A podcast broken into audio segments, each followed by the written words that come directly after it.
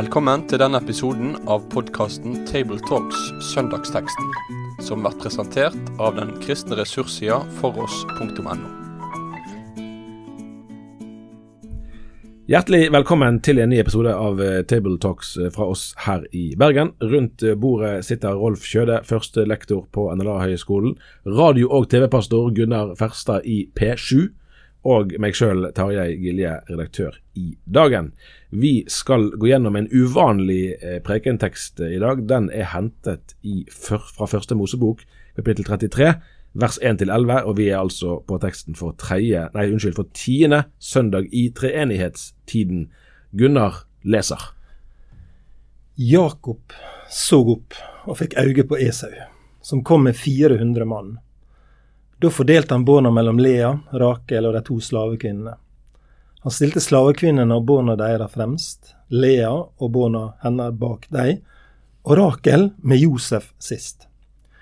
Sjøl gikk han føre dem og bøgde seg sju ganger til jorda, til han kom bort til bror sin. Men Esau sprang imot han og slo armene rundt han, kasta seg om halsen på han og kysta han, og de gret. Esau så opp og fikk øye på kvinnen og barna. Da sa han, Hvem er det du har med deg? Jakob svarer, Det er de barna som Gud i sin nåde har gitt tjeneren sin. Slavekvinnene kom da fram med barna sine og bøgde seg til jorda. Lea kom òg fram med barna sine og bøgde seg. Til slutt gikk Josef og Rakel fram og bøgde seg. Esau spurte, Hva ville du med hele den flokken jeg møtte? Jeg ville at min herre eh, skulle se meg med velvilje, svarer han. Da sa Esau, Jeg har rikelig, bror. Ta vare på det som er ditt. Nei, kjære deg, svarer Jakob. Ser du på meg med vel, vel, velvilje, så ta imot gåva mi. For da jeg så andletet ditt, var det som om jeg så Guds eget andlet. Så vennlig var du mot meg. Ta nå imot gåva som jeg let sende deg. For Gud har vært nådig mot meg og jeg har alt jeg trenger. Jakob ba han så inntrengende at han tok imot gåva. Jeg tror vi må begynne med en uh, liten sånn uh, avklaring uh, før vi går løs på selve teksten. For her syns jeg det blir tydelig med en gang at dette er en annen altså Vanligvis er jo prekentekstene fra evangeliene. denne er ikke det. og den må vi tilnærme oss på en annen måte enn vi har pleid å gjøre når vi går gjennom, eh, gjennom evangelietekstene. Eh, og Det er jo litt interessant i seg sjøl, fordi at så seint som i fjor så var det jo debatt på kirkemøtet om gammeltestamentlige teksters plass på prekestolen i Den norske kirke. Eh, og Der har det jo vært en utvikling fra for så vidt gjennom hele kirkens historie, men ikke minst siden slutten av 70-tallet og frem til vår egen tid. La oss si litt om bakgrunnen for at denne teksten er preketekst. Ja, I det vi kan kalle de historiske kirkene, så er jo det evangelieteksten som alltid har vært preiketekst. Eh, i kirken. Og det var jo noe som også eh, den lutherske reformasjonen bare overtok ifra, ifra den gamle, gamle tradisjonen. Uh, og så, som du sier, i 1977 så var det en, en større ordningsendring i, av ordninga av gudstjenesten i Den norske kirke. Og da innførte en en del tekster fra Det gamle testamentet og fra epistlene, altså fra breva. Må legges til det siste mm, der også. Ja, ja. Og Den ordninga er jo kan vi si, blitt sånn, litt sånn redusert over åra. For inneværende år så ligger det vel muligens på seks sånne tekster, eh, tipper jeg. Eh, men nå vedtok en altså i november i kirkemøtet i Den norske kirke at eh, en skulle ikke ha liggende fast inne noen slike tekster. altså Normalen skal være at det er evangelietekster blir, som blir forkynt. Men samtidig så er det noen sånne forbehold inn i vedtaket som gjør at en skal jobbe videre med, så folk også kan fortsatt få et fortrolig forhold til andre deler av Guds ord da, enn en bare evangelia. Så eh, det blir nok anledning til å tale over eh, andre tekster enn evangelietekstene framover. Men det blir ikke formelt sett eh, satt opp fra neste kirkeår, så langt jeg har forstått det, at det er det som er, det som er rammene for vedtaket. og jeg beklager egentlig det på veldig mange måter. Det var et motforslag som nesten ikke fikk stemme i kirkemøtet. og jeg, Det hadde vært bra om det fikk oppslutning. og Det gjelder både gammeltestamentlige tekster og, og brevtekster. Brevtekster fordi de jo er skrevet direkte til menigheten og ble brukt som forkynnelse i menigheten den første tida. Så hvorfor skulle ikke vi bruke dem? Eh, og de gammeltestamentlige tekstene fordi at vi, vi kan ikke forstå Det nye testamentet uten på bakgrunn av det gamle. Og vi kan jo lese det gamle, vi får jo lese Det gamle testamentet i lys av Kristus. Eh, så vi får jo kaste et lys tilbake på Det gamle testamentet, som vi må hjelpe menighetene våre til å se. Fordi at det er en stor, stor analfabetisme på Det gamle testamentet ute og går langt, langt inn i den kristne menigheten. Her er jo, uh, altså, Som du sa, Rolf, at, at, at, i de historiske kirkene så var det evangelieteksten som var den naturlige prekenteksten. og Det har jo vært vanlig i mange sammenhenger. Mens både på bedehus og i, ikke minst i frikirker og helt inne i borgertid, så er jo dette det er jo veldig forskjellige praksis. Altså, bare det å følge tekstrekker er jo for noen en helt fremmedartet størrelse. Og det å skulle tenke at nærmest en automatikk er at det er evangelieteksten som er prekenteksten, det er jo slett ikke selvsagt for alle. Nei, altså hvis du tenker på tradisjonen som jeg og vi er en del av, på en måte, så er det jo ikke altså, det er jo ikke vanlig å bruke preiketekstene, men det er blitt faktisk mer vanlig. Mm. Det, det, kan du si, det er jo bekymringsfullt hvis det er en slavisk skal gjøre det. da, for En tenker kanskje at ja, da skal en overlate da, denne GT-undervisninga kanskje til, til, andre tidspunkter, til bibeltimer og, og sånn temahelg og sånne ting. Men, men, men eh, jeg syns jo det er veldig, veldig ille hvis en ikke skal kunne ha frihet til å å bruke GT-tekster. Mm. Og, og, hvis en da slavisk følger eh, det oppsett som er for, for, eh, Den norske kirke, så blir jo ikke GT på talerstolen. Skal du ha sagt noe i, i moderne forsamlingsarbeid i dag ofte, så må du si det på søndag formiddag. Mm, ja. For det er da folk er der. Og da hvis du ikke skal det var vel argumentert litt i den debatten i fjor med at altså, det er jo alltid en gammeltestamentlig lesetekst. sånn at gammeltestamentlig er på talerstolen, men det blir gjerne ikke behandlet i prekenform, sånn som det Altså, altså, vi måtte jo strøke eh, det som var min arbeidsplass, eh, bibelskolen, med, med all undervisning i GT, med fordypning i tredje Moseboka. Jeg vet ikke hva. Det er klart det er ikke naturlig preiketekst og alt, men, men, men, det er jo helt nødvendig. Mm. Eh, vi leser om Moses, og vi, og, vi, og vi, ser Jesus, blir det sagt. da. Ja. Og, og, uten det så, så mister en noe veldig, veldig vesentlig. Ok, Da går vi til eh, selve teksten. og Vi vet jo det at når vi leser evangeliene, så er det 2000 års eh, historisk avstand, så vi må på en måte prøve å leve oss inn i den tiden og prøve å knytte linjer til vår egen tid. Her er jo avstanden enda lenger, så vi kan vel si at samfunnet ganske klart er enda mer forskjellig, på noen måter i hvert fall, fra det vi lever i, samtidig som menneskesinnet ikke er så veldig forskjellig, nødvendigvis. Eh, la oss bare begynne med forholdet mellom brødrene.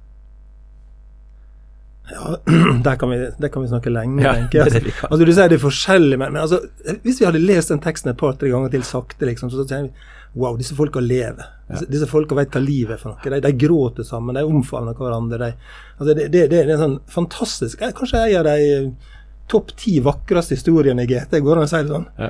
Altså i måten eh, det, det, møtet skjer mellom disse brødrene her. Og, og det er jo klart at du er nødt til tenker denne dagen her, og, og, og, så se i sladrespeilet. Du er nødt til å ha med deg, du kan ikke bare gå inn i denne teksten uten rett og slett å, å ha med deg betydelig dose av, av uh, forhistorie. da.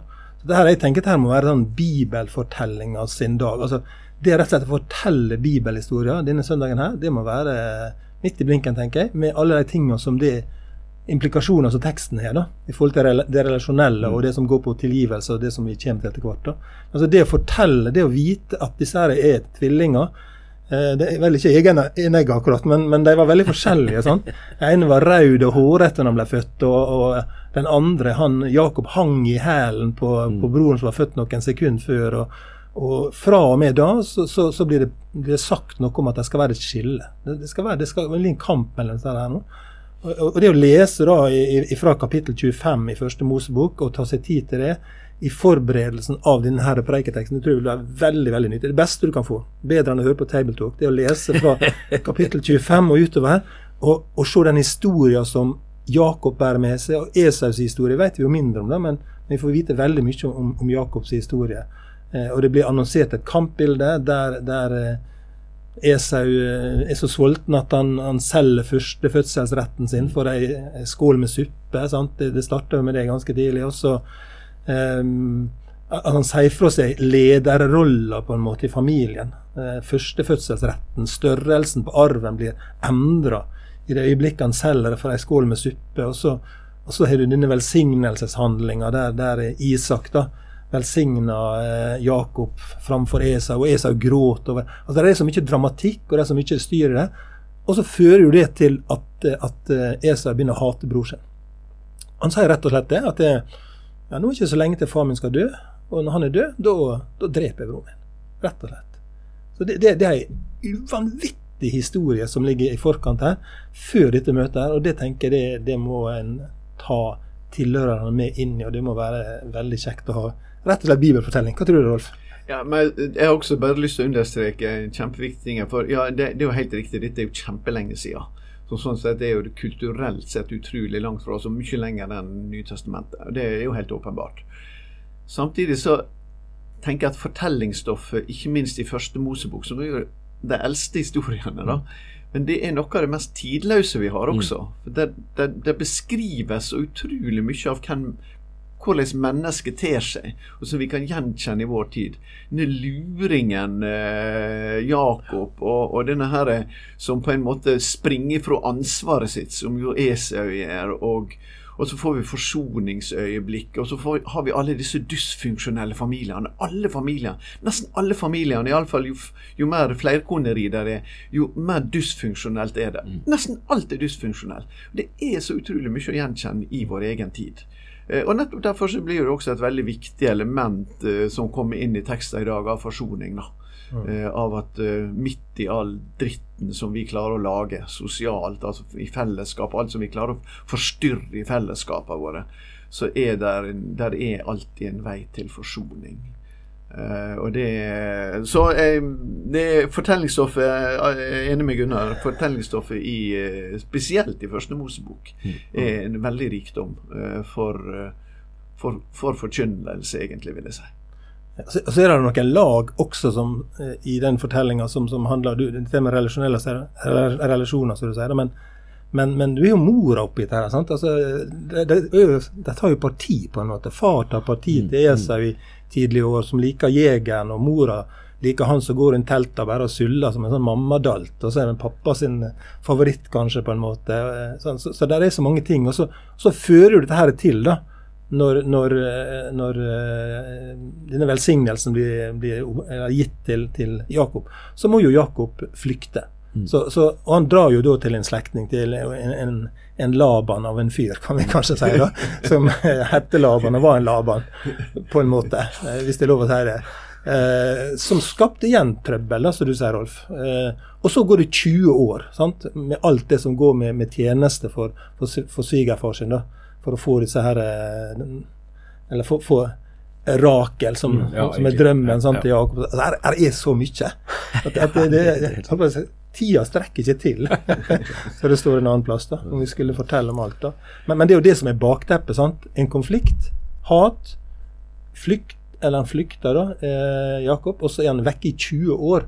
Og så tenker han nå, nå tar jeg sjansen. Nå går jeg hjem og møter broren min. Nettopp. Og Da er det jo et helt opptog, en demonstrasjon, en, en manifestasjon. Vi, vi, vi, får høre om Jakob kommer med sin storfamilie, og Esa kommer med 400 mann. Det er liksom sånn følelsen av eh, dette er begynnelsen på en filmscene om et stort slag her. Det tror jeg. Tror Jeg jo egentlig det. Sånn, eh, ja. Det er jo rett og slett eh, Her er det maktkampen mellom dem. Uh, Esau har ikke bare svikta, han har jo svikta familien også på den måten at han har brutt det som Abraham påla dem, at de skulle hente ektefellene sine fra Abrahams eget folk. Mens han gikk jo til til det hetittiske folk, et nabofolk, og helt sikkert kom da i berøring med dyrking av andre guder. Så Esau har jo Det er ikke sånn at, eh, det er ikke sånn at Jakob er en helt her, det har vi jo klart slått fast mm. at han ikke er. Og, og, eh, og, det er heller ikke sånn at Esau er en helt. Uh, faktisk har begge to svikta. Men du har rett, det er jo en, dette er jo et opptog, det er jo en styrkedemonstrasjon. Her er det testosteron som du holder. Altså. Ja, for Hvis du bare igjen bare ikke bare tenker at vi er der, da er det ikke akkurat uten uh, risiko. Nei, da, du, du, ser på en måte også måten han stiller opp konene og familien på en måte. liksom. Og til slutt er Josef på en måte den, orakel, Rakel den bakerste. Altså, det, det, er jo klart at Jakob aner jo, og han har jo lagt en taktikk her som er for at han skal mildne bror sin. At dette skal gå bra. Altså han, er, han er jo taktisk så det holder. sant, Å sende i vei det ene etter det andre mm. for å, for å mildne bror sin. da. Eh, så, så, så eh, Nei, alt tyder på at her skal det brake løs. da. Mm. Og jeg tenker liksom, Det er litt sånn overraskende det da eh, Esau sier, på en måte. Hva skulle de med disse der 400 mennene? Var ikke det for å gå løs på, Mm. på broren og han? Men nei. Så her er noen moment her som er overraskende, Mm. og så noen sånn litt sånn undrende ting. For det er altså forsoning som skjer. Det er gaveovervarkelse, det er takknemlighet. Eh, og vi har jo for så vidt berørt det, men det er noen fascinerende trekk. Du sa det jo nettopp i sted, Rolf, at begge har egentlig sviktet. At det er jo noe av det som er på en måte fint, og som er helt ti- tidløst, at de bibelske helteskikkelsene blir slett ikke eh, beskrevet bare med sine positive trekk. Nei, det kan ikke ikke akkurat si. det, og det er nærmest konsekvent Ja. at de ikke blir det. Det er ganske interessant. Eh, De er jo litt Det er ikke noe partiavis det her, for å si det sånn. Nei, det er ikke det. Eh, absolutt ikke. Nei, men hvor- hvorfor, hvorfor går Esau så raskt til dette skrittet og, og omfavner? Altså, det, det så, vi hører om de 400, vi, vi, det er rykte om krig på en måte. Og så, hva er grunnen? Er det det at Jakob så bevisst går foran? Han setter sine mest De han vil ta mest vare på, helt bakerst, som Gunnar sier. Men hvem er det som går foran? Jo, det er han sjøl. mm. Og han, han sjøl på en måte tilbyr seg å bli det første offer. Jeg vet ikke. Jeg, kjenner ikke nok til liksom det historiske, eh, hva som skulle forvente, ville være forventa historisk, om han skulle sende noen andre foran seg. Men i alle fall så er han der sjøl, og han sjøl bøyer seg ned i ydmykhet.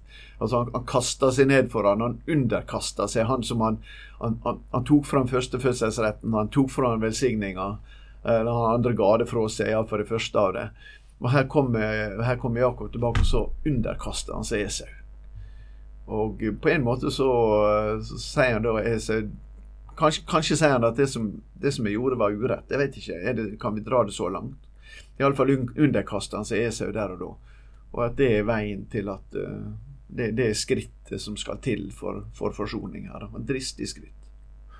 Ja, men, det, men det er jo, det er jo glansbildet. Nei, det er ikke bare glansbildet, men jeg tenker det, det er også et glansbilde av altså det, det, det er til etterfølging, tenker jeg det. Det som Jakob gjør.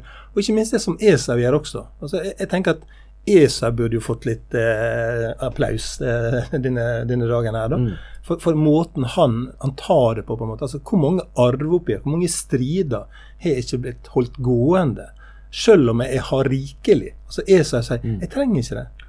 Jeg trenger ikke det. Jeg har det jeg trenger. Eh, Behold ditt.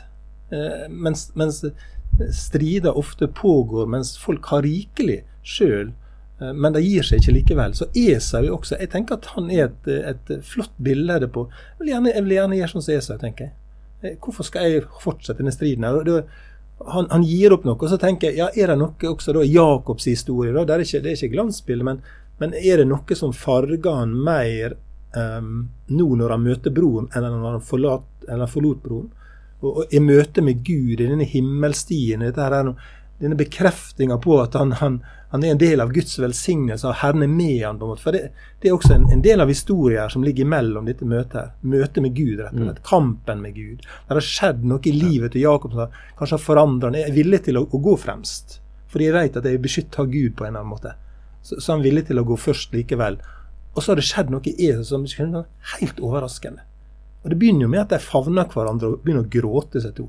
Hvorfor knuste ikke han til han i fjeset? på en måte? Altså, hvorfor slo ikke han ned? Hvorfor, altså, nei, det var skjedd noe på Jeg synes det, er en sånn fantastisk historie. Det er motsatt av det vi, det vi leser om den hardhjerta tjeneren som møtte medtjeneren på trappa. Her skjer det motsatte. Her er det grunn til at det skulle skjedd det samme, men det skjer det motsatte. Og det, Jeg syns det er en utrolig vakker og sterk historie om forsoning, da, som, som gir begge til helter denne dagen her, på en måte. Og sånn sett blir jo kapittelet før ganske viktig, fordi at der, der har jo Jakob egentlig sin ultimate kamp. Ja. Altså Han kjemper imot Mm. Han kjemper mot Gud sjøl, egentlig. Han kjemper med Gud sjøl. Og får hofta ut av leddet og alle disse tinga der. Men han, han, han, han har kjempa en så stor kamp at neste dag, når han står overfor Esau, så vet jeg at denne kampen kan aldri bli så stor som den jeg hadde i går uansett. Eh, Men jeg syns også det Gunnar drar inn her, og det kan jo, tror jeg kan være en god ting for forkynnelsen denne eh, dagen her. Dette handler jo egentlig om arveoppgjør. Jeg, hele saka handler egentlig om arveoppgjør her. Og det må, det må vi av og til sk- Kan ikke vi sette ord på så konkrete ting, jeg tror det, i forkynnelsen. Eh, og at det er rett og slett noen som må bøye seg. Begynne å lære seg at Gud står den stolte imot, men den ødmyke gir han nåde.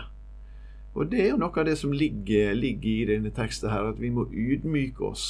Både overfor andre mennesker og overfor Gud. Og si det at det er faktisk noen verdier som er større enn om jeg fikk det maleriet og du stakk av med den skulpturen, eller om, om de aksjene ble fordelt, hvordan de ble fordelt, eller obligasjonene til far vår, eller det er, det, Men det er jo så himla mye sånne ting. Hvem skulle ha hytta? Og hva var egentlig den hytta verd? Og så konkret er det jo. Og det er arveoppgjør. Ja, og det, det som eh, tar meg, det er flott med, med Jakob, men, men, det tar meg liksom sterkt at, at Esau går så veldig foran. på en måte her. Han som egentlig hadde mist mest. da. Han som hadde mist mest, han, han har det jeg trenger. Jeg, det, jeg syns det er vakkert å lese om det. Og, og, og, ikke minst, det er mulig, da. Det er mulig. Og, og det har gått 20 år, sant. Det, det, det, og sånne, sånne, ting kan ligge der veldig, veldig lenge. Mm. Eh, men her løser det seg på en måte som jeg syns er rett og slett bare vakkert. Her er jo mange, mange uh, allmenne spørsmål uh, som vi kan og Arveoppgjør er jo et godt eksempel på det. Der, her, eh, her uh, snakker vi egentlig om vårt eget liv, selv om teksten handler om noen andre. Og, og, det går jo an å ja, Man kan bruke lang tid på det òg, på, på, generelle eller ja, mer generelle spørsmål. I hvert fall ha ett da til slutt her, og det er om, om tilgivelse. I hvilken grad for der, her er det jo reelle, reelle forskjeller i hvordan man tenker. Sant? Om vi vil eh, holde vår egen tilgivelse tilbake frem til vi opplever at motparten har erkjent at ja, jeg gjorde urett mot deg. For sånn vil det jo ikke alltid være at motparten nødvendigvis erkjenner det. Eh, skal vi på en måte fra vår side være villige til å tilgi likevel, eller vil vi holde på vår rett frem til vi får vår rett? Etter egen oppfatning. Som har skrevet bok som heter 'Tilgivelsens fem språk', Rolf. Har, har, du, har du lest den? Nei, er det Gary Chapman som har skrevet bok om ja, til tilgivelsens fem språk, på en måte, som, som uh, der en, en, både angrer og, og ja, en sier noe om at det skal ikke gjenta seg, og uh, gir løfte. Og, altså det, der, er, der er det ulike på en måte, sider ved tilgivelse som skal, skal være der, for at jeg skal oppleve den som er reell. Men, men eh, hvordan skal vi tilgi? Skal vi tilgi sånn som Jesus tilga, eller skal vi gjøre det på en annen måte. Tilgivelse og tillit, to vidt forskjellige ting. Um, jeg, jeg, tror at vi, vi, um, vi, trenger å se litt på Jesus og så, og så slå av litt på kravene for hva skal være plass for at jeg skal tilgi. Um, ja, jeg, jeg, tror på en måte det. altså. Mm. Men, men, og at, at, det får konsekvenser for oss i vår gudsrelasjon. Igjen, da vi har vært innom den fortellinga om den hardhjerta tjeneren. Mm konsekvensen er at du, du, hvis, hvis, du ikke er villig, er uvilje til hardhet til, til å tilgi, det, det, det, setter deg i fengsel. Du blir innesperra. Du blir, blir, låst inne på en eller annen måte som gjør deg ufri. Um, så, så, skal du være fri i din relasjon til Gud, så må du tilgi, tilgi oss um, vår skyld. Så vi tilgir våre skyldnere, ber vi. Ja, hva ligger i det? Ikke det nettopp det at jeg, jeg kan ikke stille betingelser? Hva betingelser stiller Gud for å tilgi Tarjei? Her er rekka, Tarjei. Mm. Før det så tidlig. Det er ikke sånn Gud er. Det er ikke sånn vi kjenner han. Og Derfor er det så sterkt når, når, når Esa sier også det at det, når jeg så ansiktet ditt, sier så var det som om jeg så Guds ansikt. Han, han møtte noe av Gud i den innstillinga som, som Esa hadde. Jeg syns det er kjempesterkt. Altså, når Jesus lærte oss å be tilgi oss våre tilgi oss vår skyld slik vi tilgir de som alle våre skyldnere, da, så er jo det faktisk den av de sju bønnene i Fader vår som han presiserer umiddelbart etter, han har sagt, eller etter vi har sagt amen. Da, for da, da presiserer han det med at uh, med ekstra setning, et ekstra vers om at vi, vi, kommer til å bli tilgitt slik som vi tilgir våre skyldnere. Uh, og, så det, det, er en veldig forsterking av viktigheten av å eie et tilgivende sinn. Uh, og, eh, og, jeg tror vi må ta inn over oss litt radikaliteten i det. Uh, samtidig så er det jo sånn at ved å tilgi et annet menneske, da sier du til og om det mennesket at det mennesket har gjort galt imot meg. Og det vil jo være utrolig mange tilfeller der men det mennesket på andre sida ikke vil innse sin skyld. Og dermed så også kun vil bli provosert av tilgivelsen, eller om at, å høre at du er tilgitt eller tilgir deg. Um, og sånn sett er jo ikke relasjonen gjenoppretta hvis ikke den andre er i stand til å ta imot den tilgivelsen. Uh, fordi at den ikke innser sin situasjon. Og der må vi også hjelpe mennesker som er blitt utsatt for grov urett, og som vi gjerne sier at tilgivelsen er, det er tilgivelsens vei. Men, men dersom det ikke er en erkjennelse fra dem som har forgrepet seg, uh, så er det veldig vanskelig å komme videre. Da kan den som er blitt forgrepet seg mot, komme videre på den måten og si at 'jeg er villig til å tilgi'. Eh, men det er ikke noe mottak på andre sida fordi at vedkommende vil ikke innrømme eller innse eh, at det er blitt gjort galt. Um, så Vi skal ikke avkorte tilgivelsesutfordringer, mm. men vi må alltid ha en realistisk forståelse av på andre sida av den som da blir tilgitt, ikke alltid vil bli tilgitt fordi at en vil holde fast ved sin, ved sin synd. Og Det er også en del av realitetene i den verden som vi lever i, og som, eh, som vi må ta høgde for uh, når det gjelder spørsmålet om, om, tilgivelse. Og Noen ganger så er det også vanskelig, selv om vi tilgir og vi kan møte hverandre og legge ting bak og si at vi vil ikke holde det mot hverandre, for det er jo det det handler om. eh, å tilgi. Jeg vil ikke holde det mot hverandre, og jeg skal ikke holde det mot det hos Gud. Eh, så kan det likevel være sånn at det er såpass dype ting dette at en likevel på en eller annen måte må skille lag. Fordi at det er vanskelig å gjenopprette tilliten. Og Det ser vi jo faktisk i forlengelsen av fortellinga om Esau og Jakob også. Der Esau vil at Jakob skal gå med han dit han er. Men Jakob vegrer seg, og til slutt så drar Jakob en helt annen vei. Og den eneste gangen vi vet at de møtes igjen, er i ei gravferd noe seinere. Så, eh, og det er godt å kunne de møtes i familiegravferder, for de var for likt. Men det var ikke etablert nok tillit. Eh, og det er også noe vi må ha realisme noen ganger i å kunne snakke om. Å kunne tilgi. Eh, og samtidig så ser vi at det er noe i historien her som gjør at um, det blir ikke det helt, helt fulle fellesskap igjen alltid. Fordi at det er så dype sår som er slått i den ene eller den andre eller i begge sine liv. Jeg tror at det var så langt vi kom i dag, og da kan det jo være en fin erkjennelse at den prekenteksten vi har gått igjennom som på en måte er lengst unna oss i tid, er kanskje den som er nærmest oss i uh, livene våre. Ordet er deg nær. Det må vi trygt kunne si. Og da ja, og det, det er det. Så ja. denne søndagen her Det er ikke poeng å legge til noe nå, men, men, men, det er jo en søndag for å være nær livet. Mm.